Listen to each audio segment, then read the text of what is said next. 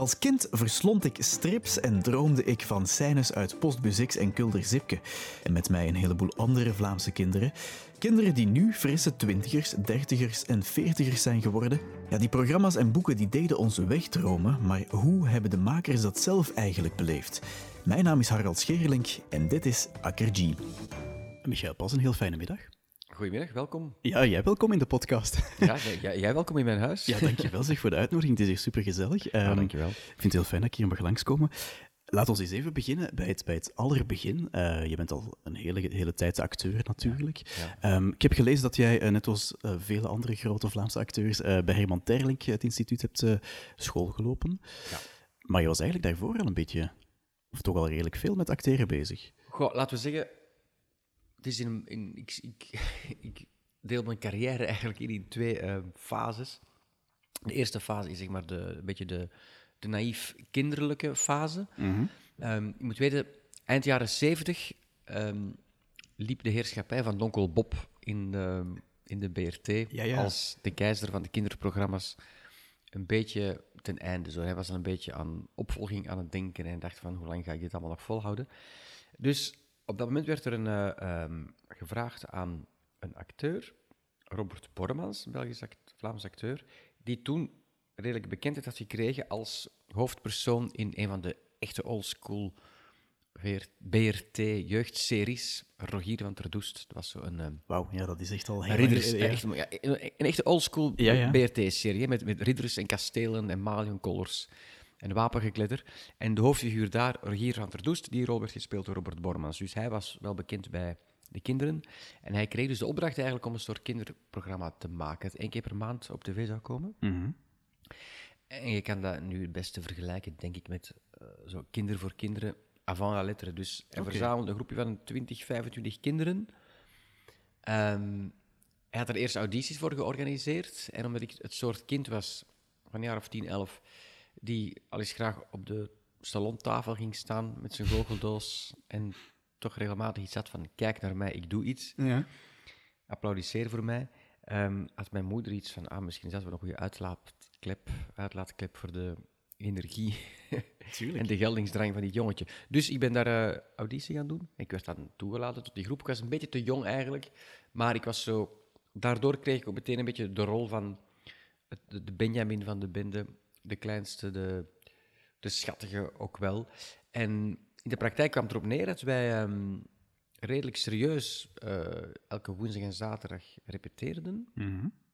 In Antwerpen was dat. En dan één keer per maand, de hele zaterdag en de hele zondag, in de opnamestudio aan de August Rijierslaan 52 zaten. Ehm, in Studio 3. En daar deden wij dus, uh, na we dan op hadden we geoefend, hadden dus, het waren sketches en, en, en dansjes en liedjes. En Dus daar is het eigenlijk een beetje allemaal begonnen. daar is het voor mij begonnen. En toen dacht ik, wauw, als ik later groot ben, wil ik dit in het echt doen. Want ja, toen, dan als kind besef je opeens van, wauw, de tv-wereld is niet een vreemd, onbereikbaar, abstract walhalla, maar er is gewoon een gebouw in Brussel waar je naartoe kan. En daar werken studiomeesters en cameramensen in een stofjas en die nemen dingen op die je op voorhand oefent. Ja, het werd plots heel tastbaar voor is jou. heel tastbaar. Ja, En ik zag dus mensen die dat deden voor hun beroep. En ik dacht, dat wil ik later ook doen. En doordat wij zo'n beetje in dat groepje waren, waren wij op dat moment eigenlijk de enige, de enige pool van kindertalenten, zeg maar, die er bestond hè, in Vlaanderen. Dus af en toe werd ook op ons beroep gedaan om andere dingen te doen. Ik zeg maar iets, om eh, de stemmetjes in te spreken voor Sesamstraat. Ehm, of om ehm eens mee te spelen in een Vlaamse film, waar een paar kinderen...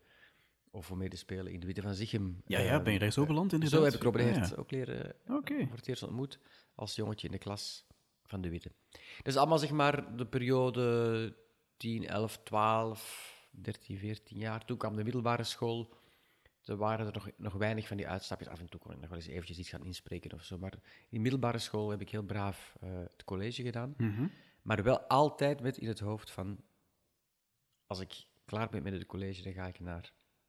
Dan wil ik naar de droomschool op aarde, namelijk de Studio Herman Terling. Dat stond vast. Ja, dat Ja. was het plan, ja. zeker. Ja, ja, dat is ook gelukt. Hè. Ehm, Je hebt daar, denk ik, van een aantal groten der aarde les gehad. Wie waren zo de docenten eh, in jouw periode?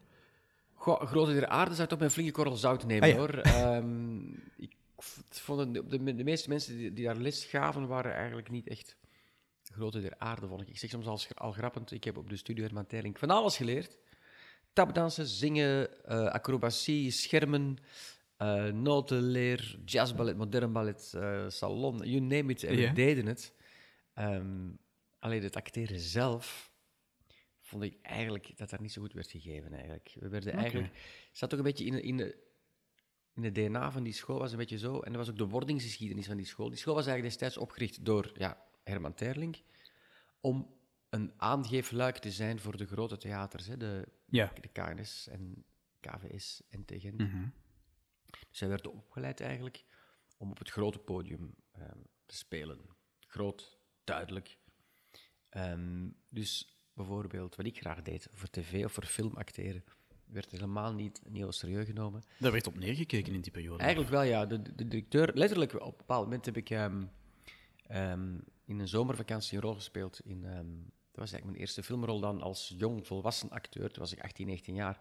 En toen kreeg ik een rol in de eerste film van Dominique de Rudderen. Crazy Love? Crazy Love, ja, inderdaad. Ja, ja. Goed voorbereid, Harold. Prima. Ja.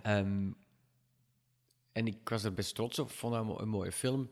Maar de reactie van de, de schooldirecteur was van ja, film, dat stelt niks voor. Uh, Fellini die vult zijn films met figuranten en amateurs. Uh, dat is eigenlijk geen echt beroep. Zo. Dus mm. concentreer maar op het theater, op het groot podium. Zo. Eigenlijk, um, het is jammer om te zeggen misschien, maar het was een heel erg leuke periode, die vier jaar studie Herman Terling. Omdat ik um, vier jaar lang in het gezelschap zat van jongens en meisjes die dezelfde droom hadden natuurlijk. En samen waren we de hele tijd bezig met, met, met spelen en dingen doen. Maar eigenlijk, er hing toch een beetje een, vaak een beetje een angstige sfeer op die school. Omdat je eigenlijk ten allen tijden kon je gebuist worden en weggestuurd worden van die school. Zo. Als opeens bleek dat je talent toch niet voldoende was. Na drie jaar zo, ineens van, hij heeft toch geen talent. Was, was allemaal best, ja. Dus je was eigenlijk vooral bezig met, als het ging over acteren, van hoe moet ik spelen om de speldocenten te pleasen? En dus niet hoe moet ik spelen hmm. om um, om, mezelf te ontplooien. Of, ja. ja, ja, ja.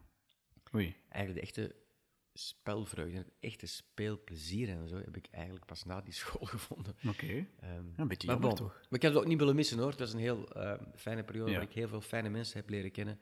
En ook een paar mooie dingen heb kunnen doen. Uh, buiten die school. Oké. Over Crazy Love gesproken, want dat was inderdaad jouw eerste film. Hè. Um, ik heb me laten vertellen dat um, de première dat die eigenlijk ook uh, ergens in Amerika op werd gehouden, of dat er alleszins zo een aantal wereldsterren zoals Madonna een beetje bij betrokken waren via Dominique de Rudderen. Hoe zat dat precies? De echte première was gewoon uh, hier in België, in, in, Gent, denk ik op het filmfestival. Maar um, er, moest ook, er was ook een première in uh, LA, want inderdaad, de film is ook gereleased in Amerika. Je moet je ook niet echt voorstellen als zo het, het, grote ding. Dat was, een, was wel een arthouse film natuurlijk. Ja, ja. Maar, um, en vooral duidelijkheid, ik kon er niet bij zijn, want ik zat op school. Hè, bij oh. en het is, niet zo, het is niet zo dat je vrij kon krijgen om een première in L.A. te gaan meemaken.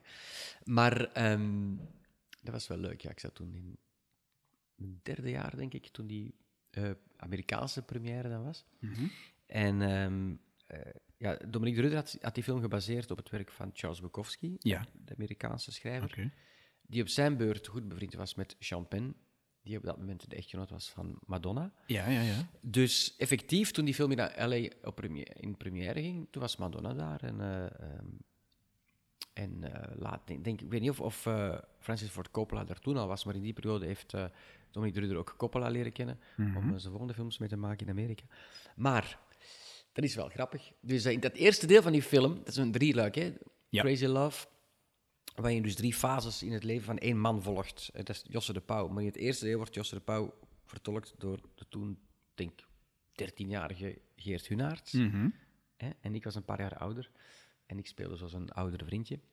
En um, dus Madonna was komen kijken naar de film. En er was ook iemand van de krant, ik denk dat De Morgen daar ook was. En die deden een interview met Madonna. En ze vroegen aan haar, en, uh, hoe vond je de film? En ze zei, wow, fantastisch, fantastisch. Heel mooi, integer, prachtig. Maar vooral, zei ze, dat eerste deel, those two guys, those two guys were so cute. En dus toen dat in de krant stond, zwart op wit, weet ik nog heel goed, was totale hilariteit en enthousiasme op de toneelschool in mijn, Ja? in mijn jaar. Die hadden allemaal iets van, Micha, Micha, Madonna is verliefd op jou. Ze vindt jou, ze vindt jou cute. Je moet naar L.A. nu.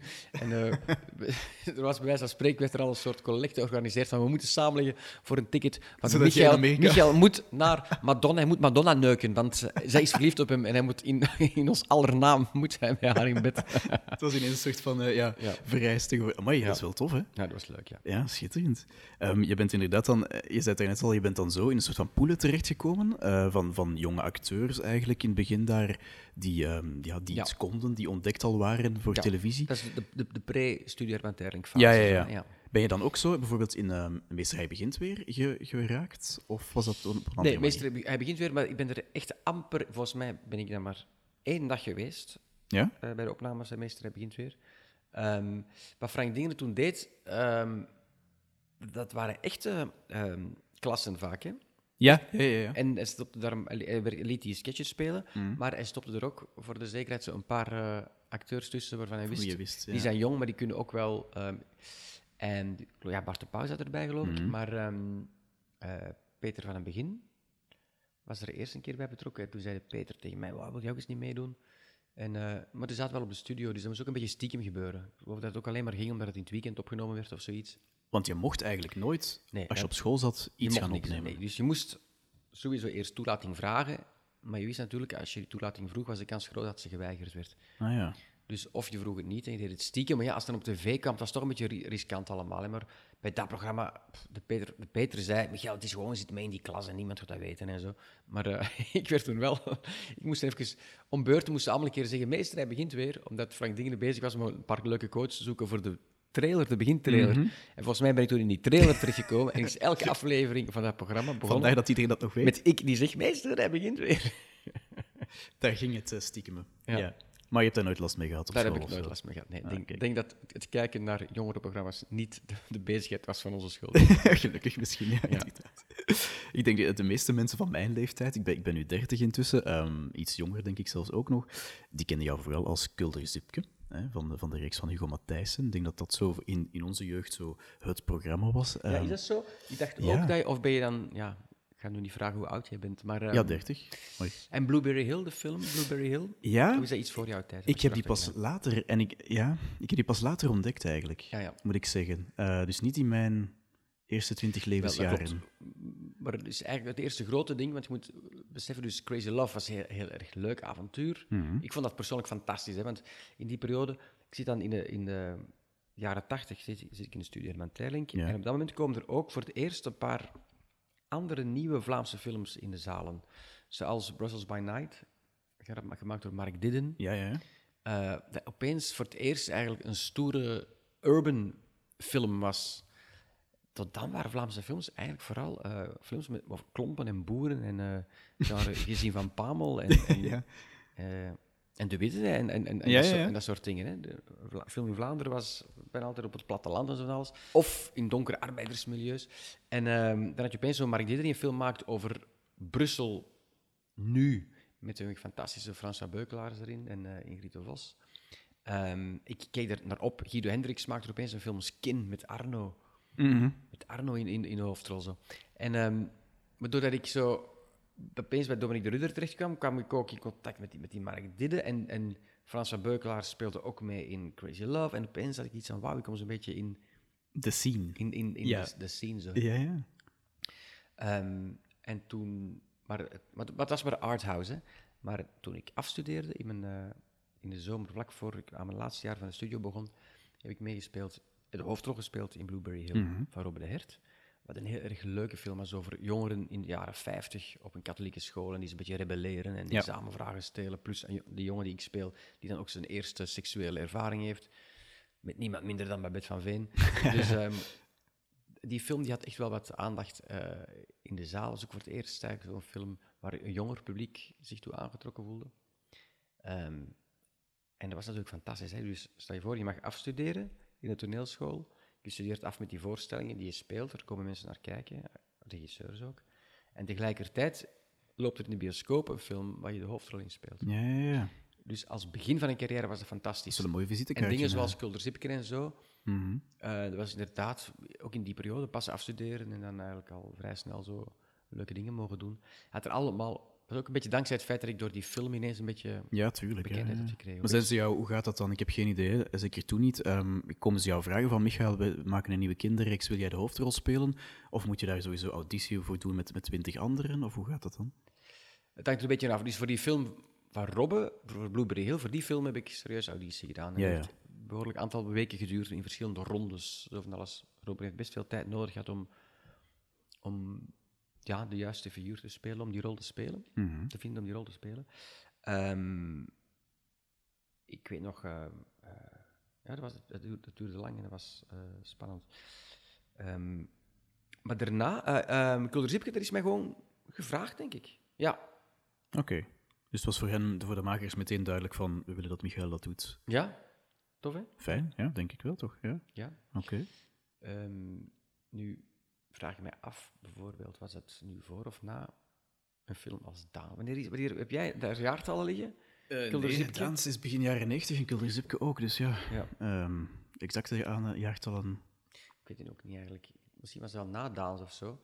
Ehm, in- ja, ik probeer nu even te denken, misschien heeft Jan de Kleider iets mee te maken, omdat ik hem al kende van in Daans en van op school natuurlijk ook. Heb je ooit les gehad van Jan de Ja, ja.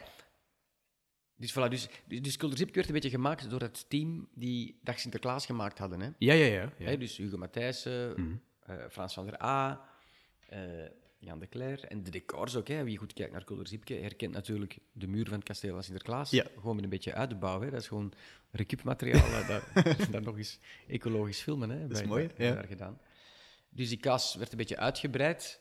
Ehm, en misschien ze dat onderling besproken met elkaar of zo van alles. Maar ehm, ehm, ik werd er echt voor gevraagd. En omdat ik, omdat ik wist, ja, Hugo Matthijssen en, en Jan de Klein en, en Frans van der A, toen dacht ik, dit kan niet, dit kan niet fout gaan. Hè. Hier moet ik gewoon ja tegen zeggen. Ja, zo'n naam natuurlijk, ja, absoluut. Ja. Ook al lag op dat moment misschien, ik heb net een, hè, als je net wat stoere dingen in de, in de cinema gedaan hebt, lag een, een kinderprogramma ook niet echt op mijn pad in de zin van dat is nu echt iets waar ik naar uitkijk of zo van nu wil ik eens graag een kinderprogramma maken. Ehm Ketnet bestond ook nog niet, hè, dus, Nee. dus dingen voor kinderen maken was ook nog niet zo super hip of zoiets. Hè. Maar ik heb dat toch gedaan omdat ik zag, ja, dat zijn echt zo'n leuke mensen om mee te werken. En ik kende natuurlijk, ik wist dat Hugo Matthijs heel erg leuke dingen ging schrijven. Ja. Dus daar heb ik eigenlijk blind ja op gezegd natuurlijk. Ja. Ja, super. En, en eh, Jan de Cler, je kende hem van ervoor al? Van Van op school, zeg ja. je? Want hij was daar toen docent in Studio Herman Training, of niet? Ja, ehm, toen ik in mijn derde jaar zat, ehm, is hij ehm, eh, bij ons komen werken. Heeft hij, denk ik, ons geregisseerd in een stuk van Pierre Robier.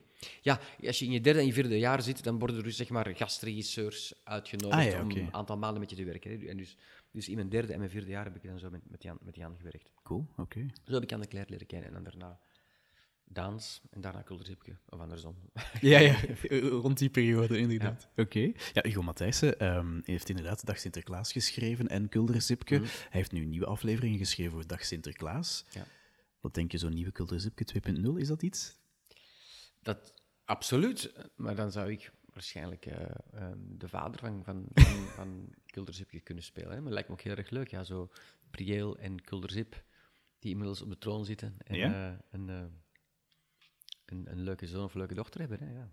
Not? ik denk, als we dat eens voorleggen aan Hugo, misschien moet dat wel een idee zijn om het eens bij elkaar te schrijven. Zo. Wie weet, het is alleszins is Kulderzipke iets wat ehm, is blijven leven. Hè. Mhm. En dat zijn van die dingen, dat weet je op voorhand natuurlijk ook niet. Hè. Je begint aan iets en je hebt geen idee hoeveel keer gaan we hier naar kijken of, of gaat dat succes hebben of niet. Maar Kulderzipke is iets wat na al die jaren nog steeds heel erg ehm, aanwezig is. Ik ben er nog steeds, ik word er echt heel vaak over, over aangesproken. Is dat nog altijd mensen. waarvoor je het vaakst wordt aangesproken? Laat ons zeggen, zo op straat? Dat ze dan roepen van, hey, Kulder Zipke, of wat roepen ze meestal? Eh, wel, als het gaat over roepen op straat, dan, kijk, je woont in Borgerhout. En, en de mensen die, die op straat durven roepen naar mij, dat ze meestal zo de, de, de Johnny's en de, en de gasten die op de straat rondhangen. En dat is meer van Team Spirit. Tuurlijk, ja, ja. Ehm ik ga, wel, Paul, ga zeggen, Team Spirit. Ik ken u. Zo, en de mensen die mij over Kulderzipke aanspreken, is meestal... ehm, dat, dat is soms heel verrassend, hoor. Ik, ik kan in een café staan en dan kan er zo'n hele stoere, brede man naar mij toe komen en zeggen... Hey, gast, respect. ga ze kulderziepje. Ga, ga ze mijn jeugd. Zo, en dan denk je, oké. Of vrouwen, die inmiddels echt vrouwen zijn, die zeggen, ja, uh, ik moet toch iets zeggen, uh, Kulderziep was toch denk ik mijn eerste liefde. Ja. Dat ze hun eerste prille gevoelens konden projecteren naar een jongen op het scherm. Dat, dat was ik dan, ik fijn. Dat is ook leuk om te horen natuurlijk. Ja, dat is ook een mooi compliment, toch? Ja. Of mensen die zeggen, ik kijk nu, of die dan zeggen van ja, ik heb, dat was geweldig en nu kijken we met onze kinderen naar Kulderzipke. Dat is... Ja. Stel dat we Kulderzipke um, anno 2020, hè, volgend jaar, zouden maken en Hugo Matthijssen zegt ja, we gaan eens dromen. Wat zou er moeten veranderen, denk je, aan de reeks inhoudelijk? Want ja, er is veel veranderd. Het is natuurlijk wel een reeks over ridders en jonkvrouwen, dus in die zin.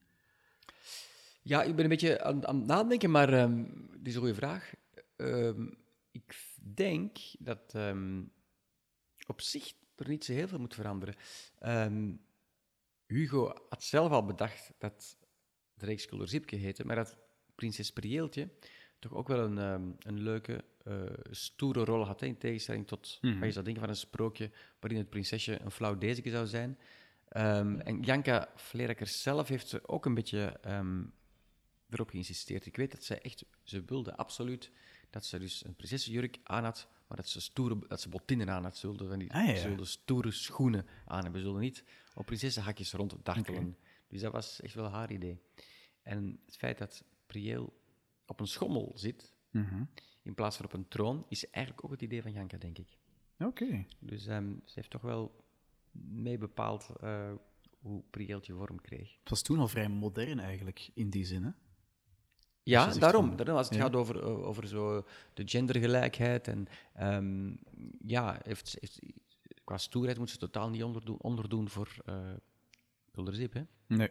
Helemaal niet, nee. Dus maar als ik het goed begrijp, ze mogen jou bellen als Kulderzipke 2.0 er komt. Tuurlijk, dat zou toch heel erg leuk zijn. We hebben ons namelijk geweldig goed geamuseerd in die periode. Ja. Omdat je dus ja, is daarop bezet met op zich mensen die allemaal iets meer ervaring hadden dan ik. Hè. Dus ja, dus uh, Janka en ik, wij waren de, de twee jongsten.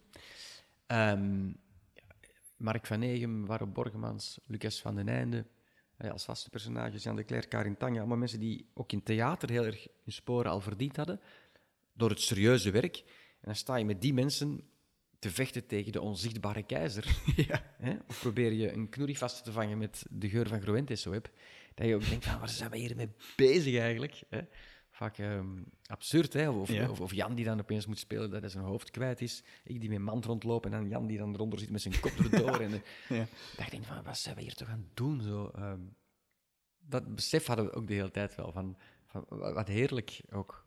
Ja, ja, um, hoe vaak mag je opnames meemaken dat je zo met je fantasie te keren mag gaan. En, en ja, verzin het maar. Hè. Hoe, wat, hoe speel je dat je je hoofd kwijt bent, letterlijk? Hè? Of, of hoe, speel, hoe, speel, je dat je in een boom verandert? Um, of hoe speel je dat je op een bergtop klautert en de blote bosmens ontmoet? Ja. Dat is allemaal uit, uit, uit je verbeelding. Hè? En dat is ja, fijn. Hè? Ik herinner mij ook zo'n scène, omdat je nu over de blote bosmens, uh, of, of bergmens, weet ik veel. Um, blote bosmens. Blote bosmens begint. Uh, ik herinner mij de scène ervoor om daar te geraken moet je, alleen moet Kulderzipken op een soort van op een deur eigenlijk gaan zitten. De vliegende deur, ja. ja. Want ja, dat, we spreken over begin jaren 90. Ik weet niet hoe ver de technologie toen stond, maar hoe heb je dat gedaan? Dat is ook oldschool oldschool greenscreen. Oké, okay, dus je ja. stond echt voor een scherm en je moest echt letterlijk op een die deur... deur. Die deur was gemonteerd op... Um, dat was een echte deur. Ja. Op, uh, op een frame gemonteerd en op, veren. Dus die deur die kon zo'n beetje zoals onze schommelpaard op, op, ja, dat, op, dat bewoog op, kon, ik zo heen en weer gaan, ja. waardoor ik in de bocht er een beetje scheef kon hangen. um, voilà, en dus op die, uh, op die greenscreen, denk ik. En dan tegelijkertijd werd de maquette van het landschap gefilmd en dan worden die beelden gemengd. En dan ja, ja, okay. echt low, low tech, hè, is dat. Um, als je, er, als je er nu naar kijkt, ziet het er niet echt bijzonder indrukwekkend uit, hoor. Uh, dat, kan, dat kan je niet naast Harry Potter leggen. Maar dat is ook het leuke, als je daarnaar kijkt met kinderogen, wat, wat, jij toen gedaan hebt, dan geloof je dat. Hè. Je, je, wil... je gelooft dat jij op dat moment door de wolken aan het zuizen bent op een deur. Dat is Tuurlijk, gewoon, ja. fantastisch. Hè? Ja. Ja. Zeg, die handenstand en die kopstand en zo, en, uh, en die flikflaks, kan je die nog? Ja, ja, zeker. Ja? Want dat ging, ik weet niet of het in 16 takes moest, maar ik denk het niet. Hè. Dat ging heel vlot bij jou. Jij ging heel vlot, tuurlijk. Dat zijn van de dingen, ik stelde voor, ik ja, ik kan misschien hier even op mijn handen staan en zo. En natuurlijk, als je zoiets zelf voorstelt, van, mag ik hier een stunt doen of zo, dan moet je ook wel weten van, ze mogen het niet voor mij tien keer opnieuw doen, want er is ook geen tijd voor. Dus, ja, nee, nee. Dus, uh, dus ik zocht zo de juiste momenten uit waar, waar ik zei, ah, misschien, misschien hier een flikvlakje of hier een saltootje. Maar je had dan wel een soort van turnervaring of Ja, zo? natuurlijk. of Nee, maar heel mijn middelbare schooltijd heb ik veel geturnd. Oké, Dus dat was iets wat ik gewoon kon. Ja, ja, En ja. gewoon even uit, uit, uit de mouw kon schudden. Zo. oké, fijn. Iemand die jij ook eh, een paar keer tot nu toe jou, jouw pad gekruist is, dat is Urbanus. Ja. Eh, je hebt in de reeks Urbijn meegespeeld, dat was je zijn schoonbroer en zijn, zijn manager, hè, de twee. Ja. denk ik. Ja. Maar de Knorrivast in Kulder Zipke speelde die ook, hè? Ja, ja, hij speelde de knorrie vast. Was dat de eerste keer dat jullie elkaar eh, tegenkwamen toen? Dat was de eerste keer dat we voor de camera elkaar tegenkwamen, maar ik was Urbanus al een paar keer tegengekomen. Ehm, toen ik meespeelde in Crazy Love, Ja? ehm, toen kwam Urbanus er ook een paar keer op de set. Eh, want zijn vrouw ehm, was op die set, zat in de productieleiding, die deed de, op- op de bureau eh, papierwerk en eh, de financiën en zo en alles. Oké. Nadine, die nog altijd zijn vrouw is. En ehm, ehm, hij kwam daar een paar keer kijken ook en dacht, "Amai, waarom is hij zo geïnteresseerd? Maar toen begreep ik dat hij ook met de plannen speelde om een Urbanus film te maken. Dat plan was toen al in zijn Ja. hoofd aan het rijpen. En De is- eerste toen. Ja. Hector was toen nog niet gemaakt. Ehm, en eh, ik denk dat er toen zelfs even sprake was dat dat misschien iets voor Dominique Rudderen zou zijn, of niet. Mhm. Ehm, hij ook komen helpen.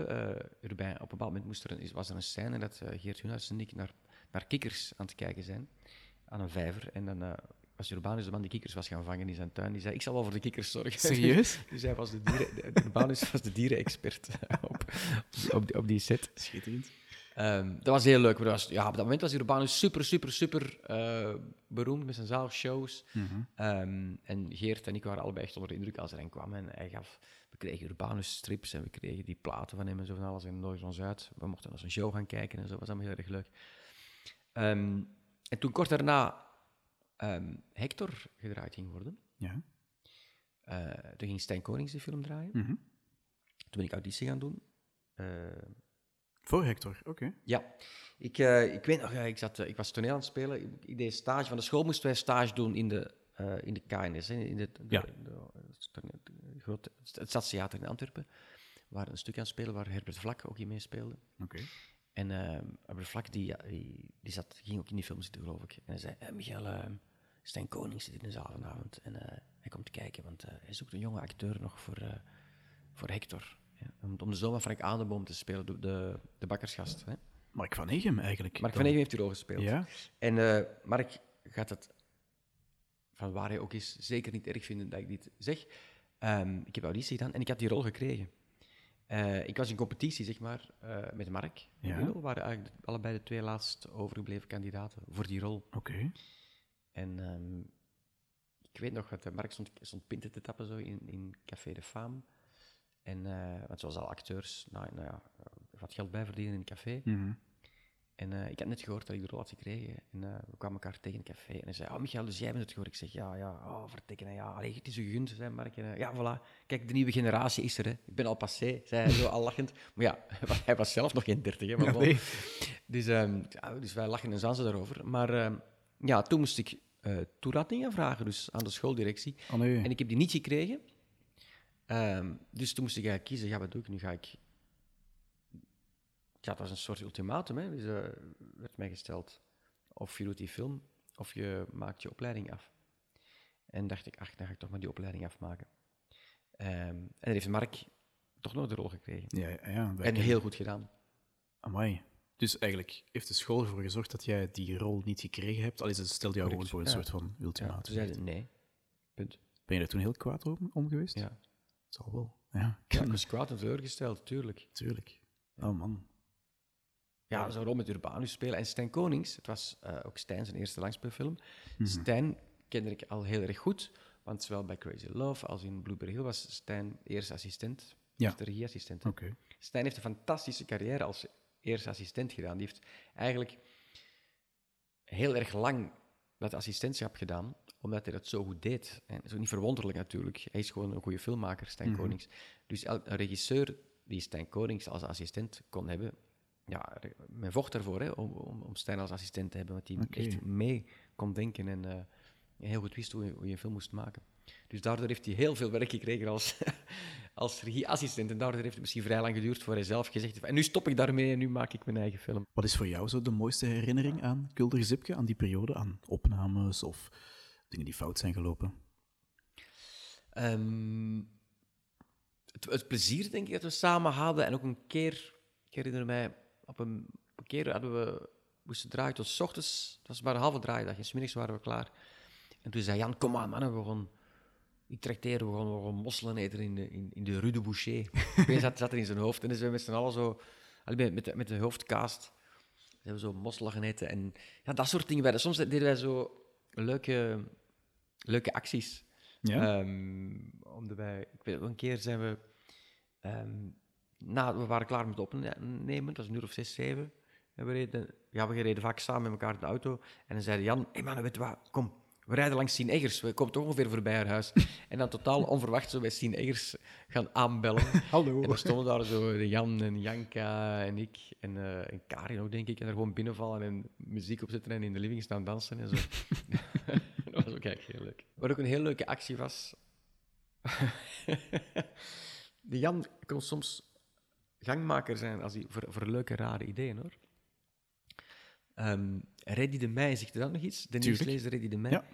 Op een bepaald moment eh, is hij ontslagen bij de nieuwsdienst. Mhm. Men had besloten dat Reddy de Meij toch niet meer... Ik weet niet wat de, wat de reden was. En eh, maar dat stond zo in de krant, van Reddy de Meij niet langer op de nieuwsdienst. En eh, toen zei Jan, dat vind ik schandalig. Dat mag niet. Dat is schande. We gaan, we gaan betogen. En dan... Nu moet je weten, als wij 's middags gingen lunchen, was het altijd in onze Kulderzipke kleding. Hè?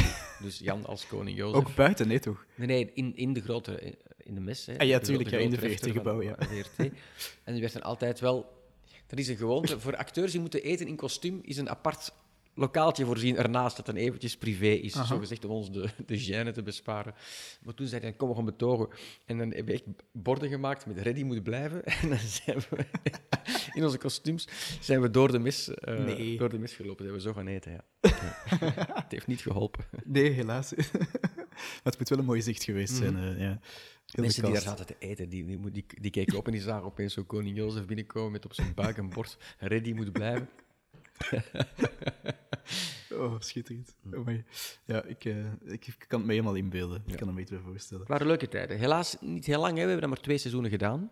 Ja, Ehm dat is eigenlijk nu een beetje ondenkbaar, maar dat is dus gestopt omwille van ja, budget eigenlijk, denk ik. Voor, ja, de dienst jeugd, zo heette dat toen, die hadden niet zo'n supergroot budget en ze dachten, ah ja, het kost toch veel en zullen we dat nog wel doen? Ehm, het is zo, het eerste seizoen van Zipke is eigenlijk gemaakt in co-productie met Nederland. Hè. Die eerste, eerste seizoen is ook in Nederland uitgezonden, dus Nederland heeft er ook wat in geprefinancierd. Het tweede seizoen is denk ik puur op ehm, eigen kosten gedraaid door de BRT. En dat is misschien een beetje veel geweest, ik weet het niet. Eh, ja, het zijn natuurlijk veel acteurs. En wa- misschien waren we ook niet de allergoedkoopste acteurs, ik weet het niet. Ehm, heel zot eigenlijk, ze hadden dat nooit mogen doen. Ik bedoel, Jan de Cler was bereid om het te spelen, Hugo Matthijssen wilde nog bijschrijven. Eh, de decor was er, de kostuums waren er. De grote kosten waren eigenlijk En als je ziet hoe vaak het nu is heruitgezonden, dat zou een derde seizoen zou zeker de moeite waard zijn geweest hè, om nog te maken. Ja, inderdaad. Dat is een beetje zot. Ja, het is inderdaad te gek. Ehm, Maar ja, hoe gaat dat dan soms dan opeens? Misschien is er iemand anders op eh, de stoel van Wim van... S- de- Wim van Stever was de, de producent ehm, die dat gemaakt heeft, maar die ook eh, volgens mij buiten de zone ehm, geproduceerd heeft. Wim van Stever was een man die daar heel goed op zijn plaats zat in de dienst jeugd, maar die misschien daar te goed voor was en te snel daar is weggepromoveerd of weggeëvolueerd. En dan komen er andere mensen met andere mhm. prioriteiten en zo. Zo Ja. dat dan. Als we de hele lijst zouden bijhalen van alle films en alle, alle reeksen en televisieseries waar je al ingezeten hebt in jouw carrière, bon, dan zijn we nog drie uur bezig, want dat is echt een aanzienlijke lijst. Ehm, Maar heb je ooit, ehm, je, je zei het net van Hector, heb je eigenlijk zelf niet nee gezegd? Hebben ze in jouw plaats nee gezegd? Heb je ooit op een reeks nee zelf gezegd? Ja. Ehm, eh, de kampioenen. Toen ik, Ah, ja. toen was ik ook net afgestudeerd van de studio. Zo. Dat, dat is een periode. Ja, je, bent dan, je staat dan pas in dat beroep zo. En dan is het ehm, een beetje lastig of moeilijk. En toen zeker. Je bent dan toch bezig van welke richting Wil ik uitgaan? wil ik uitgaan. Ehm, ik weet nog, VTM kwam toen ook net op toen wij op school zaten. En in het begin vonden wij VTM, dat was echt, wij vonden het allemaal echt commerciële shit. Hè. Wij waren artiesten en Hmm. je zou nog liever dood neervallen dan voor VTM te werken. En tot VTM dan eigenlijk vrij snel met een mooie serie gekomen is, Moeder, waarom leven wij? Door Guido Hendricks geregisseerd. En toen opeens, oké, wat fantastische move was van VTM. Maar dus opeens kwam VTM, die in het begin alleen maar ja, in onze ogen eh, commerciële dingen deden. En tien om te zien en zo van alles. Ja, daar keken wij als serieuze toneelacteurs op neer natuurlijk. Hè. Ehm, ook allemaal een beetje vanuit eh, een soort pretentie toen, die, die nu ook een beetje misplaatst lijkt. Maar ja, ze gaat dat dan, je studeert af en je denkt, je wil, je wil de hemel bestormen en je wil eh, grote kunst maken. Eh, maar toen kwam VTM ineens met een heel prestigieuze, heel knappe eh reeks kostuumdrama, Moeder, waarom leven wij? Ehm, en toen is de BRT moest er ook in, opeens in de versnelling schieten van shit. De commerciële Ja. zender begint hier met goed drama af te komen. Wij moeten er ook een tandje bij steken. Hè, want de VRT, of BRT was tot dan toe de, de koning van de fictie, hè, de zondagavondreeks en zo. Maar opeens kwam VTM ook met goede series op de proppen. En dat is een fantastische periode geweest, de jaren 80. Allee, de jaren, zeker de jaren 90 is zo geweldig geboomd hè, qua, qua, qua goede Mhm, eh, reeksen. En, en nog steeds plukken we daar de vruchten van, van, van eigenlijk die, die heel fijne competitie die toen ontstaan is. tussen eh, Ja, absoluut. VTM Ik denk dat het en- heel veel en toen, en toen dan vier kwam, had vier ook iets. Wel, wij moeten ook snel met goede fictie komen, want dat zijn, de, dat zijn de visitekaartjes die je op tafel moet kunnen leggen voor je kijker. Dat je een goede Vlaamse reeks hebt. Ja. En in die periode kreeg je dan een Ah ja, en toen- aanbieding voor... De kampioenen, ja. Voilà. En toen dacht ik, oh, ze zei, ja, we hebben een komische reeks. Het wordt opgenomen voor een levend publiek, komisch, een voetbalploeg. En het wordt een langlopende reeks, zeiden ze. Dat zeiden ze ook wel bij van de bedoeling is... Ik zou toen niet verwachten dat het zo lang ging lopen. Nee, nee. Maar, maar ze zeiden wel, het- we verwachten wel een engagement dat langer is dan, dan, dan, één, één seizoen. één seizoen. Ja. En toen dacht ik, pas op, ik denk dat ze mij uitnodigden voor de audities hoor. Ik weet niet of ze mij echt die rol aanboden, dat weet ik niet meer. Maar alleszins, als er al auditie was, dan zou het to- toch ook niet tussen mij en honderd anderen zijn geweest. Dat is zoiets, ik denk dat het een shortlist was, dat ze zo'n paar Mhm. kandidaten hadden. Maar toen heb ik gezegd van, nee, dat lijkt me nu niet, niet iets voor mij. En weet je voor welke rol het toen was? Ja, eh, Pico, Ah, oké. Ja. Ja, ja, ja. Wat later werd gespeeld door Walter Michiels. Walter Michiels, ja. En die is na twee seizoenen er wel uit verdwenen uit de reeks, maar oké. Dus je had even goed Pico Koppens kunnen zijn. Ja, zeker. En dan, ja, voor hetzelfde zeg je op zo'n moment ja. En ehm, dan neemt je carrière een heel andere wending. Hè? En dan, dan heb ik misschien twintig jaar lang Pico gespeeld of zoiets. En Hmm. dat ook heel erg leuk gevonden.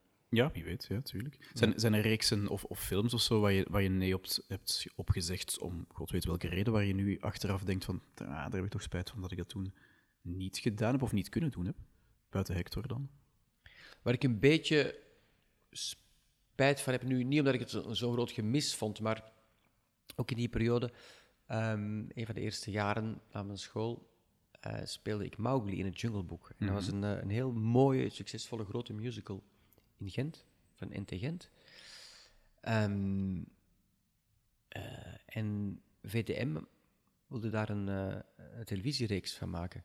In samenwerking met het theater. Dus er werd gefilmd zeg maar, in het decor. Ah ja. En die verhaallijnen werden verder uitgeschreven. En ja, ze wilden heel erg graag uiteraard dat ik... Ja, het deal was eigenlijk rond, we gaan Book doen. En ik had toen iets van, nee. Want dat was een theatervoorstelling en nu gaan ze daar eh, platte commerciële eh, fictiereeks van maken. En, en ook omdat de theaterregisseur, die zei, ja, maar ik ga het dan niet doen. En ehm, toen had ik zoiets van, nee, ik ga ook niet meedoen. En ik heb toen die mensen toch wel een beetje in de moeilijkheden gebracht daardoor. En die hebben toen echt moeten zoeken, zoeken, zoeken naar, naar iemand anders om die rol eh, dan over te nemen. Dat heeft Bert Kozemans aan gedaan. Ah, ja. Die kende van op school. Waarvan ik ook wist dat hij een goede acrobaat was. Want die acteur die dat speelde moest heel erg acrobatisch zijn. Hè? Want die Mowgli deed niet anders dan, dan flikvlakken en salto's. Ja, ja, tuurlijk. Maar in de toneelschool zat ik samen met Bert Kozemans. We hadden allebei een turnverleden. Dus dan heeft Bert die rol gespeeld. Met veel plezier. Hij heeft het ook heel goed gedaan. Maar achteraf denk ik, oh, Michael had toch niet zo moeilijk gedaan. Je had dat gewoon... had dat nu gewoon gedaan. Hè? Maar ehm, ja, als je, je bent dan jong en je denkt dat dat heel belangrijk is, welke artistieke keuzes je maakt. Hè? Ja, nee, zo gaat dat inderdaad. Hè, ja. Achteraf is het makkelijk, hè. Ja, ach, ja, tuurlijk. Achteraf weet je het allemaal niet. En, eh, maar voilà, dus, maar meest, voor de rest heb ik eigenlijk nog niet heel veel spijt van dingen die ik, die ik geweigerd heb. Maar vooral duidelijkheid, ehm, ik ben al veel meer geweigerd dan dat ik zelf geweigerd heb. Hè. ehm, mensen zien me dan in series opduiken en hebben dan het idee van, oh wauw, rollen worden jou Hij is overal. Ja. zomaar aangeboden en zo. Maar ik denk, ja, voor elke rol die ik speel, heb ik er vijf of zo die, die ik niet speel, hè, waar ik ook auditie voor gedaan heb en die Mhm. ik gekregen heb, hè, of, of meer. Hè. Wat jullie zelf heel graag doen en, en heb je nooit gekregen? Mm. Goh, ja, dat zijn films of zo, waar je auditie voor doet en dan dat, dat iemand anders die rol krijgt. Ehm, goh, ik kan het nu niet gauw opnoemen, want ik verdring die dan ook zo snel mogelijk. Kutfilm, ik wil die hele kutfilm al niet meer, al niet meer zien. Eh, Oké. Nee, maar ik kan wel inbeelden dat je inderdaad heel veel aanbod krijgt en dat je daar uiteraard niet altijd... eh, dat zij zeggen van, ja, we hebben iemand anders, of dat je zelf ook gewoon geen tijd hebt. Hè. Je hebt, ik bedoel... Ja, een van de laatste dingen. Ik heb ook auditie gedaan voor eh, grenslanders bijvoorbeeld. Hè. Ah ja. Ja. Maar dan, ja, maar dan hoor je daarna, ja, maar Koen de Bouw komt ook voor die rol. Dan denk je, ah, ja, oké, maar dan had ik misschien beter thuis gebleven. Ik weet dat niet, ik weet dat niet. of ja, die- dat zijn van die dingen. Maar Ja. hoort mij niet klagen. Oké. Ja, waar ik jou ook natuurlijk heel erg van ken, ik denk heel veel mensen, ehm, zonder dat ze het misschien zelf weten of zo later gaan opzoeken, is jouw eh, stemmenwerk. Mhm. Ehm, bekendste is volgens mij Kuifje. Dat is toch een van de bekendere die jij vroeger in de jaren 90 hebt Ja, gedaan? Kuifje is een bekende ook. En dat, dat waren er best veel, ik 39 afleveringen. Ja, ja, ja. Dus Kuifje, een prachtige reeks, heb ik met ongelooflijk veel plezier gedaan. Met heel veel plezier gedaan. Hoe En- ben je daar eigenlijk beland? Ja, op dezelfde manier ook. ehm het was... ehm, ja, men kende mij bij de BRT. Ja, ik zeg nu BRT, VRT, we, gaan ons niet De openbare omroep. hè? Men kende mij bij de openbare omroep. En ehm omdat ik al dingen gedaan had. En dan heb ik ook een, een stemtest gedaan, zo. Ja. Oké. eh, blijkbaar vond mijn, mijn stem een mooi matchen bij die van Kuifje. Ehm, ook omdat ik, ehm, ik... Men vond ook wel dat ik... eh, ik kon dat natuurlijk eh, spelen, maar ook begrijpelijk en helder en in redelijk neutraal Nederlands. Mhm. Omdat die serie werd ook gemaakt tegelijkertijd ook voor de Nederlandse tv. Ja. Dat was een Nederlandse stemregisseur, Arnold Gelderman. Oh, de grote Arnold Gelderman, die heeft heel veel geregisseerd. Heel veel geregisseerd en echt al ver in het verleden. Al, hij is een van de pioniers ook zo van de dubbing zelf, waarin, waarin de, de, de Aristokatten en zo. De, Ja, de- ik denk de- dat hij alles van Disney op een bepaald moment deed, denk ik. Ja, en de zeker. snorkels en... Oh, Ja. man. Dus hij was zelf een heel goede stemmenacteur. Mhm. En daar heb ik heel veel van geleerd door eh, weken al een stuk met hem één op één eh, Oh, in de studio te zitten. Dus het dubbingvak heb ik eigenlijk ehm, van Arnold Gelderman geleerd door Kuifje te doen. Daarna heeft hij mij nog wel eens gevraagd voor andere Disney-films. En, Ja. ehm, en na een tijd ben ik er ook af en toe zelf gaan eh, regisseren. Ja, je, doe je dat zelf nu ook? ja, dat gebeurt, ja. Ah, super. Een Van, de, van Pixar bijvoorbeeld, eh, Monsters Oh, Inc. en Monsters University. Dat zijn twee van die films. Die Ja. twee monsterfilms die heb ik gedaan, ja. Oh. Heerlijk, ja. Dat is dan de Vlaamse versie Vlaamse en jij doet de ja. stemmenregie dan. Klopt, ja. Maar cool, oké. Ja, die Arnold Gelderman, dat is ook voor de mensen die hem eh, nog niet zouden kennen, dat is ook de man die de snorkels geregisseerd heeft. En hij vertelde ooit dat Maar hij... ik weet dus ehm, niet wat de snorkels is, hè. Wat is dat? Ken je de snorkels niet? Nee. Dat is een, eh, een animatiereeks van kleine ventjes die eh, onder, in de zee eigenlijk, op de bodem van de zee wonen. Mhm. En die hebben zo allemaal zo'n kleine toeter op hun hoofd. Een soort van mini Teletubby zonder de Ja, tv in ja, buik. Zo, zo zal ik het moeten omschrijven. En er is eigenlijk de, de intro. Ik heb ooit ergens gehoord dat die, er is een heel bekende intro, omdat het zo'n verhaaltje is. En dat eigenlijk na een draaidag eh beseften van, oké jongens, alles staat erop. We zijn, we zijn klaar met de hele reeks. Iedereen naar huis. Alleen Arnold bleef nog over. En toen had hij plots door van, potverdikke, er heeft niemand die intro ingelezen. En heeft hij dat snel nog zelf gedaan. Mhm. En dat is eigenlijk wat mensen die de snorkels kennen, bijna rats van buiten kennen. Al die jaren later. Serieus? Ja. Ja. Ja, dat is echt maar hij heeft een prachtige stem, hè? Ja, ja. En hij heeft ook heel veel stemmen gedaan zelf bij Kuifje. Hè? Ehm, hij had, officieel had hij geen rol in Kuifje. oké. Maar eh, weet ik wel, als het dan eh, de scepter van Ottokar is of zoiets en eh Kuifje loopt op de markt en botst tegen een, een Oost-Europees iemand of zoiets, dan... Oh ja, dan, dan kom ik even. Dus dat kan niet aan niet uitkijken. Ja, Micha, als je, als je Oost-Europees moet doen, dan moet je de niet doen. En dus ja, zo doe je dat. En dan, dan deed hij dat meteen voor. Pas op, ik kan ook Frans. En dan, nou. En dan, ja, als je die... Dat was een soort ja, een soort Louis de Funès-achtige eh, leuke energie had hij. Dus heel veel stemmetjes deed hij, ging hij zelf opvullen zo eventjes. Dat vond hij heel leuk. Een zinnetje Russisch, een zinnetje Frans, een zinnetje Engels, een zinnetje Spaans. Die slechteriken in Kuifje, die, die waren toch fantastisch? Ja, zeker, Dat ja. is echt zo van die accenten dat je zegt van, ja. Ja. verstaanbaar, maar toch duidelijk. Allee, dat je zegt van, oké, dat is inderdaad iemand uit het Oostblok of iemand uit het... Ja, Of zo zou het Arnold kunnen stond er ook op van, ja, je moet, moet echt, je moet echt op die accenten werken. En niet dat dat correct moet zijn, maar wel, het moet, correct, het moet klinken, het moet de verbeelding van die kinderen Ja. ehm, prikkelen. Dat je echt duidelijk wordt van, oké, dat is, we zijn nu in een ander land en dit is een boef en die praat zo. ja. Wat heb je eh, het, het, het hardst geleerd van hem? Wat is zoiets dat je zegt van, dat heb ik nu altijd meegenomen? Wel, ehm, vaak, ehm, ja, bijvoorbeeld, ja, eh, simpele dingen hoor, maar in het begin zat ik vaak, eh, ik zeg maar iets, kuifje komt soms in een vechtpartij terecht, hè, dat hij boven een, een kleine vuistslag geeft, hier pak aan, of kuifje hangt daar een touw te bengelen tussen wal en schip of zoiets. En dan zat ik vaak eh, achter die microfoon geweldig eh, mee te doen en mee te bewegen en, en mee te, te vechten. hè. Fysiek echt er bijna te hangen. Ja, zo, je, eh, wil- je, wilt, je denkt voor dat realisme, ik, ik, ik doe die beweging, hè, ik doe hier, pak aan. Hè, En dan zei Arnold, Michael, je moet niet bewegen, die beweging moet in je stem zitten. In die stem alleen moet die energie zitten. Je verliest die energie in je lichaam nu. Oké, Hè. ja, ja, ja. Het moet allemaal in die stem zitten. Ehm, ja, dat soort dingen. Eh, Ja, dat is iets dat je wel alleen maar weet als je heel veel ervaring hebt, denk ik. ja. ja. Oké. Waar ben je op dit moment nog mee bezig? Ik ben nu op dit moment lekker eh, theater aan het spelen. Mhm. Ehm, een voorstelling die heet Genoeg, met eh Barbara Borgmans erin, Oké, die ik natuurlijk ken van Kulder Zipke. uiteraard. En die ik natuurlijk ook ken van Team Spirit. Team Spirit. Ja. Dat stuk is geschreven door Dimitri Leuwe, die- ook meespeelt. In Team Spirit. Een oude man van, Team Spirit. Ja. Ehm, dan speelt Alice Reis, ook nog mee, die ik Mhm. ook al jaren ken. Ook met ze de echtgenote is van een, een goede vriend van mij, Tom van Tom Dijk. van Dijk, ja. En Alice ken ik al van twintig jaar geleden, dat we samen in een Nederlandse film zaten. Mhm. En er is er nog een jonge actrice, pas van de toneelschool, Sarah Lam. En die speelt ook mee. Dus wij zijn eh, op tournee. Dat betekent in de praktijk dat je toch vier, vijf avonden per week Ja. on the road bent. Dat kan Zottegem zijn, Gerardsbergen, Tongeren, Knokken, Overal in Vlaanderen. overal in Vlaanderen. Oké, fijn. Ehm, dus mensen kunnen jou in het theater zien momenteel. Mhm. Gaan, ze jou binnenkort nog, eh, gaan we jou binnenkort op televisie of in een film nog ergens eh, aan het werk zien? Ehm, wel, ik denk het eerste nieuwe werk, televisiewerk, wat gaat komen, dat zal eh, op één zijn. Ik speel mee in een, een thriller die Blackout heet. Mhm.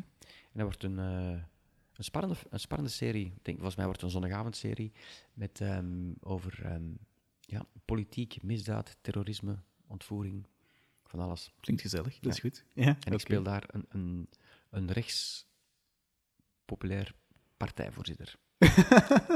Oké. Het, is, eh, het, is, het is gebaseerd op eh, bestaande personen? Of, eh, Nee, eh, niet echt. Maar het is wel gebaseerd op ehm, dingen die echt zouden kunnen gebeuren in dit ja. land. Ja. Ja, heel, ja, ik denk dat het heel actueel en heel spannend gaat zijn. Oké, fijn. Ik kijk er al naar uit. Michael, heel erg bedankt voor jouw tijd. Graag gedaan. Eh, en zullen we dan misschien nu een, een mailtje sturen naar eh, Hugo Matthijssen samen voor uh, Kulderzipke Idee, 2.0? idee voor nieuwe jeugdreeks. Ja, Ja. ja. 2.0, natuurlijk. Zeker.